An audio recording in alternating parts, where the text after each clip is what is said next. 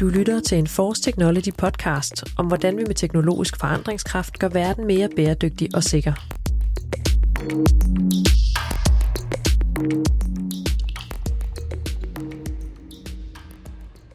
Goddag, jeg hedder Ulf Larsen, og jeg er VP i Force Technologies forretningsenhed for Digital Asset Integrity Solutions. Jeg sidder her sammen med min kollega Michael Fuglsang. Ja, som sagt Michael Fuglsang. Jeg er projektleder og har arbejdet med de her RK-projekt, automatiseret evaluering af komplekse sensordata de sidste to år, som et RK-projekt, vi har kørt i øh, 2019 og 2020. Podcasten her er delt i to dele, hvor vi her i første del vil tale om baggrunden for projektet og teknikken i at dataevaluere og hvad man kan få ud af det. Og i del 2 vil vi så tale om, hvordan man validerer og sikrer, at den model, man har fundet, øh, viser rigtigt, eller så rigtigt som muligt, plus fortælle lidt om perspektiverne i, hvad man kan bruge det her til fremadrettet. Så det her er altså første del. Baggrunden for det, det er en af rollerne, som et GTS-institut øh, skal Force Technology bidrage til, og også gerne øge, at dansk industri har en god og stadig stigende konkurrenceevne internationalt. Det her område, vi taler om i dag, adresserer NDT, altså ikke destruktiv prøvning. Det er et område, øh, en aktivitet, der har fundet sted i, i 100 år. Her i Danmark har vi arbejdet med det de sidste 80 år. Det er traditionelt meget timetung proces. Der går mange timer med at forberede, mobilisere, udføre NDT. Der går mange timer med at evaluere data og rapportere det. ved Det at de elementer har været og fortsat er i stor grad manuelle. Samtidig skal det udføres af folk, som har erfaring, uddannelse, træning og er behørigt certificeret, så derfor er det relativt dyrt personale. Det betyder også, at potentialet i at kunne automatisere det, de forskellige elementer, er relativt stort. Man siger, som baggrund for, at alt det her automatiserede evaluering kan foregå, så har vi jo en proces, der går forud, og det er den automatiserede dataopsamling. Og det er jo noget, som Force har arbejdet med i lang tid, at automatisere processen.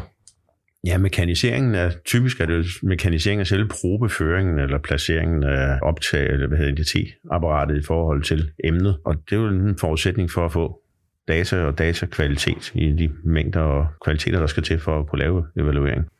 Jeg tænker også på, at vi har jo øh, i historisk set udviklet ret meget udstyr til steder, hvor menneskerne overhovedet ikke måtte komme på A-kraftværker, og noget af det, som jeg har, øh, tidligere har arbejdet med, når vi har arbejdet så op, jamen, vi havde godt nok noget udstyr, som blev placeret steder med dykkere, men, men vi havde også udstyr, som kunne gå så, øh, så langt ned, som, hvor dykkerne ikke kunne følge med, hvor det var robotter, der øh, placerede scanner, og scannerne kørte rundt og samlede op, og det er jo det, vi gennem overrække har ført videre over, sådan så vi i dag har ultralydsudstyr, der sidder fast på øh, gaffeltruks, og, øh, og vi arbejder på ultralydsudstyr, der sidder fast på droner og, og andre scannersystemer, og vi har jo sådan en hel serie af, af automatiserede moduler. Ja, de systemer er historisk set, som vi har drevet af forskellige øh, behov, med at undgå stråling, eller store vanddybder, eller temperatur. Der er en helt generel bevægelse i industrien nu, som er blevet meget konkret ved for eksempel Sprint Robotics initiativet, hvor mange store internationale virksomheder er gået sammen om at eliminere tilstedeværelsen af personer i lukket rum. Det er sådan rent sikkerhedsmæssigt, kan man ikke have. Så alt det her confined space arbejde vil der kom krav om i, jeg tror det er fra 2025, at en lang række virksomheder har vedtaget, at efter 2025, så sender man ikke folk ind i lukket rum. Og det er jo meget konkret øh, specifikt behov for, en så man jo sætte en robot eller en eller anden form for automat, der kan til at optage data. Ja, og når vi så har de optaget data, og så begynder vi jo at kunne få dem på en, på en struktureret form, så vi begynder at lave noget automatisk evaluering af det også, fordi så begynder datakvaliteten at blive så ensartet, sådan så at, at vi gentager det. Sådan så hvis vi lærer computeren et mønster, den skal finde, så finder den det i det nye data også. Det ændrer sig ikke væsentligt fra gang til gang. Gælder det både selve data, øh, ultralyddata og indstilling det, men det er jo også i høj grad positionen, der er vigtigt at vide, at man er nøjagtigt samme sted som sidst. Ja, positionen er jo øh, kritisk. I mange henseende, hvis vi har øh, realtidsevaluering, så er positionen ikke så vigtigt globalt, men relativt i forhold til det, man inspicerer, er positionen rigtig vigtig. Vi har jo ofte en eller anden krav om, om, at en defekt først bliver en rigtig defekt, hvis den har en vis udbredelse. Selvfølgelig er der nogle elementer af imperfektion, som overhovedet ikke må være til stede, men, men vi har også defekter, som kan være der, så længe de bare ikke overstiger en vis størrelse. Og det er jo vigtigt at kunne måle den rigtige størrelse ud. Derfor har vi brug for at kunne vide vores relative position, og det er jo så også noget af det, vi arbejder rigtig meget med. Det er positioneringen, og det at kunne sende robotter til at kunne finde rundt, det har vi jo også projekter i gang på. Ja. Evaluering øh, af, øh, af det her område her baserer sig på, at man skal have nogle ordentlige data. Hvad sker der inden for dataopsamlingen? Jamen altså, som du siger, så er øh, NDT-branchen jo noget, der er meget timetungt, og som har øh, historisk set været en meget, meget manuel proces, og det, som vi hos Forza har arbejdet en del med, og det, de, de ting, jeg har været involveret i, har gået på at gøre det mere og mere automatisk, eller automatiseret, både i forhold til dataopsamling, hvor vi har arbejdet på at automatisere prøvning i steder, hvor man ikke har kunne komme til, men også føre den teknologi ud til at effektivisere prøvning andre steder. Ja, øh, de ting, der bliver undersøgt med NDT, det er både øh, i forbindelse med nyfremstilling, man skal vise, at det, man har produceret godt nok. Der er også in-service, hvor man skal vise, at der ikke er sket øh, korrosion eller sket revner. NDT anvendes alle steder, som sagt både i, på fabriksgulvet, men også ude i forskellige miljøer. Det kan være som sagt atomkraftanlæg, hvor der er baggrundsstråling. Det kan være på store havdybder, steder, hvor man ikke har lyst til at, at sende folk. Så motiverne til at automatisere kan være både rent, at man ikke kan komme til, men det kan også være produktivitetsstigning. Men det kan vel også være datakvalitet. Ja, altså man kan sige, øh, når vi automatiserer dataopsamlingen, så er vi jo også med til at gøre data mere ensartet. Fordi at robotter er en gang bedre til at gøre den samme bevægelse igen og igen og igen, end, end, end vi er som mennesker. Og, og det her er et, et vigtigt forudsætning for at kunne komme videre til den automatiserede evaluering. Det er, at vi har noget data, som er meget ensartet.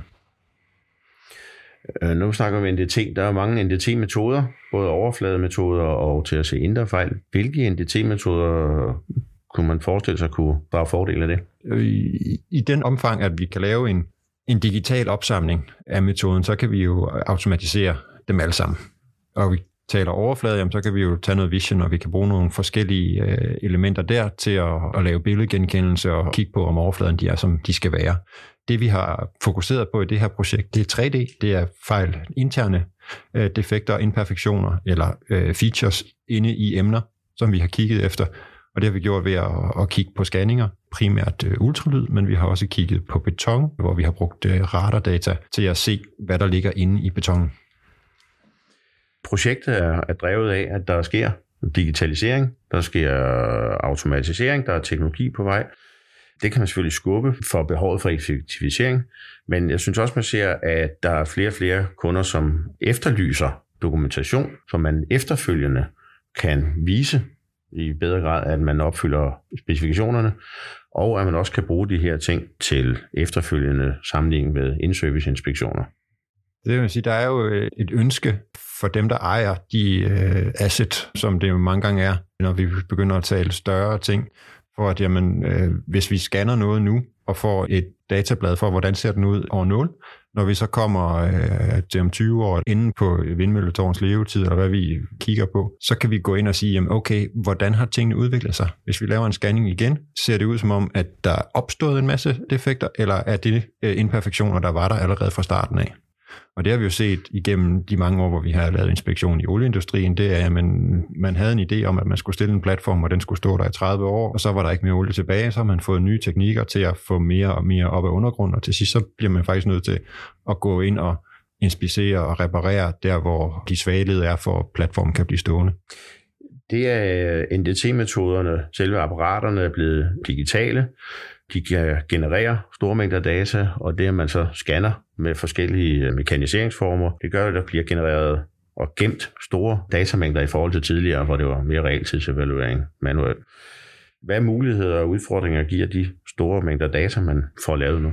Det giver jo øh, altså det giver nogle, nogle kæmpe store muligheder i forhold til at se meget, meget detaljeret på, hvad er det, der foregår inde i de her øh, komponenter. Udfordringen er jo så, at skal du have en specialist til at sidde og kigge det hele igennem, begynder det at tage lang tid. Så når vi har taget en inspektion, som måske tog øh, dage eller uger at gennemføre manuelt og gjort den automatiseret og kørt ned på, at det tager øh, timer at lave øh, selve dataopsamlingen, jamen så kommer hele databehandlingen bagefter, som i nogle tilfælde, så næsten lige så lang tid, som, som det gjort tidligere manuelt. Og det er jo der, hvor vi ser sådan et projekt som det her, kan gå ind og hjælpe med at effektivisere det. Det ypperste mål er jo at få det automatiseret 100%. Det vi kan se, det er, at vi i mange henseender kan med stor fordel kan assistere så vi får computeren til at hjælpe med at udpege de områder, der har interesse. Så udviklingen gør dels, at man selve dataopsamlingen kan gå væsentligt hurtigere. Dataevalueringen kan også gå væsentligt hurtigere. Er der andre fordele? Øh, jeg tænker på sådan noget som, opdager man de samme fejl? Er der samme øh, succesrate ved mekaniseret og automatiseret, eller er det anderledes? Rent historisk set, så kan vi jo se, at i og med, at man sidder ned og har øh, hele datagrundlaget, øh, når man har lavet automatiseret opsamling, så har man en større sandsynlighed for at finde alle de defekter, der er, end hvis man kigger på den manuelle mand, der har gået derude og selv kørt lydhed hen over realtids, i realtid skulle holde øje med både, hvor han var, og med, øh, med hans øh, signalskærm. Der får vi en forbedring. Kigger vi yderligere ind på, hvad vi kan få ud af, når vi kigger algoritmer, så har vi lidt et, et dilemma. Nu går vi ikke ud og destruerer emnerne for at få en, øh, en 100% man siger, ground truth på facitliste, eller facitliste på, hvordan defekterne de, eller hvordan øh, det ser ud indeni.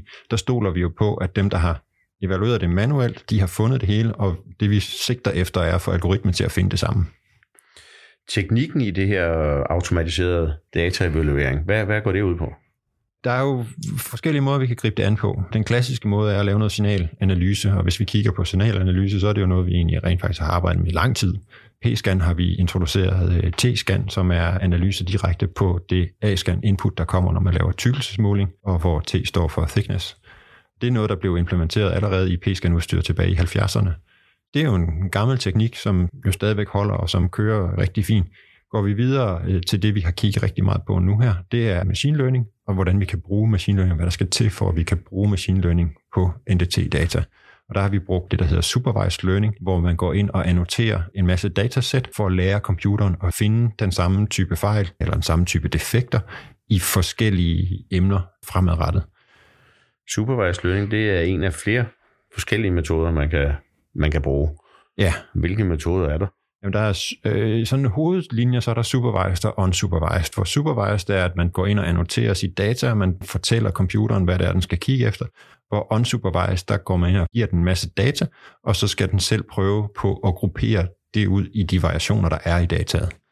Og i sådan et ultralydsscanning kan der være rigtig mange forskellige variationer i forhold til komplekse geometrier, øh, materialesammensætninger, der varierer hen over øh, en inspektion.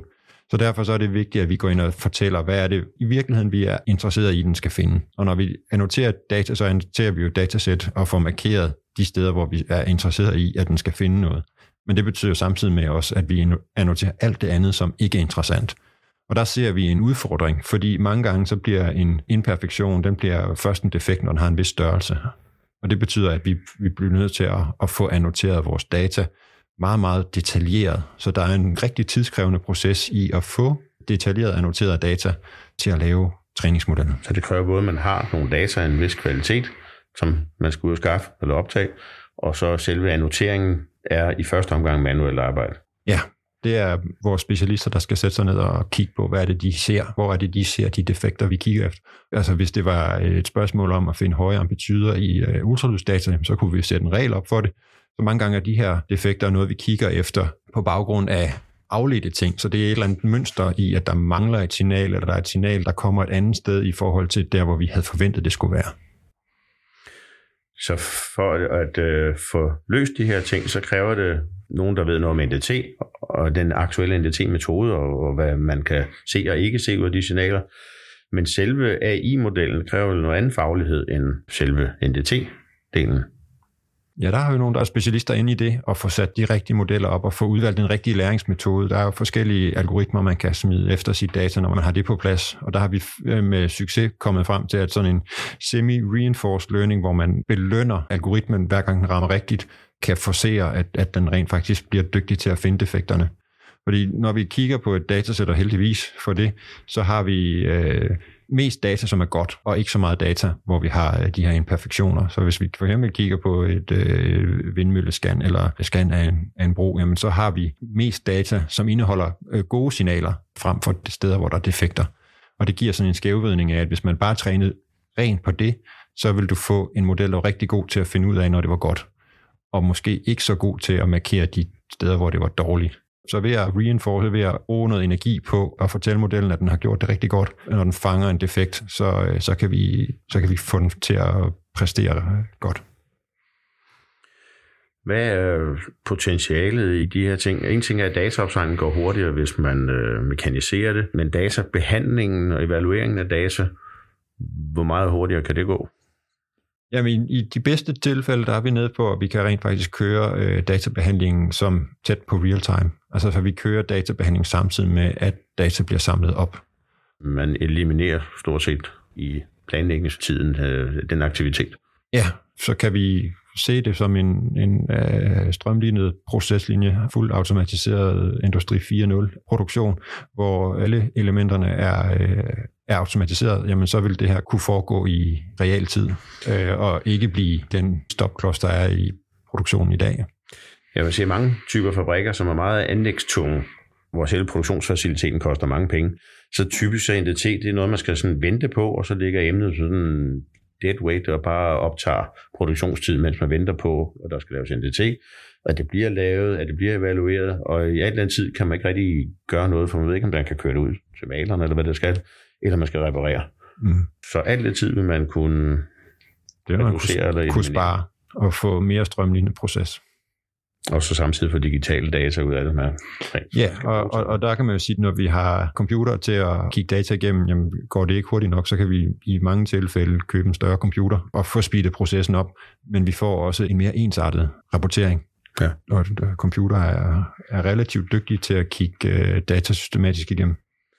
Men når man genererer så store mængder data, og de skal tilgås og behandles, så kræver det vel også, at man har noget infrastruktur til at holde de her mange, mange gigabyte eller terabyte, eller hvad det bliver til. Og der kigger vi jo på forskellige cloud-løsninger for at kunne gemme de her data, gerne i et komprimeret format, så det måske ikke er noget.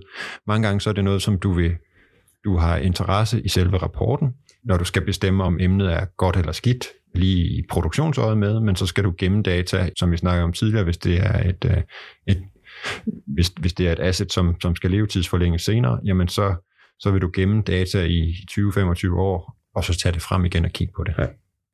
Så sige, en, en løsning inden for det her vil jo så, hvis man skal bruge de her ting, vil dels kræve, at man øh, er mekanisere og automatisere sin dataopsamling, at man skaffer noget infrastruktur til at håndtere enorme datamængder, en cloud-løsning eller andet, og man så også skaffer en automatisk evalueringsalgoritme, Ja, det er alt sammen noget, man øh, kan købe off the shelf, eller meget kundetilpasset skal det, skal det laves.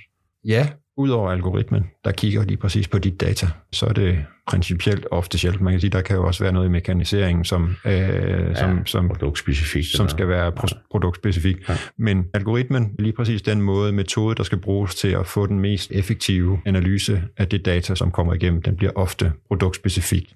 Men jeg kan sige, på nogle processer, hvis man kigger ind i svejsningen, jamen der kan være nogle af algoritmerne, som kan lægge sig mere op af den standard, der er skrevet, og som kan fungere på emner, fordi de egentlig skal følge en standard, så der er en helt standardiseret måde for, hvordan data det ser ud. Andre er helt unikke fra øh, case til case. Det med, at det kan foregå potentielt i, i realtid, så må man også åbne nogle, nogle muligheder for, som du siger, til at integrere til øvrige elementer i Industri 4.0. Det er jo øh, et eller andet sted, der hvor vi, vi gerne vil hen. Det vi kan se lige nu, det er, at vi er et sted, hvor vi er mere assisteret, så vi har ikke helt fået mennesker ud af loopet. Ja. Så det er sådan trinvis. Ja, og det tænker jeg... noget ubemandet. Ja, og det er noget af det, vi kan snakke videre om i næste del. Det her var afslutningen på vores første del af podcasten om automatisk evaluering af komplekse data. Vi har adresseret baggrunden for projektet og hvorfor man skal automatisere. Vi har adresseret teknikken i den automatiserede evaluering og lige berørt andre øh, elementer af det. I næste afsnit vil vi adressere, hvordan man validerer, at øh, ens algoritme, når man nu er endt op med, er god nok, og hvilke øvrige potentialer og fordele, der ligger i automatisk evaluering.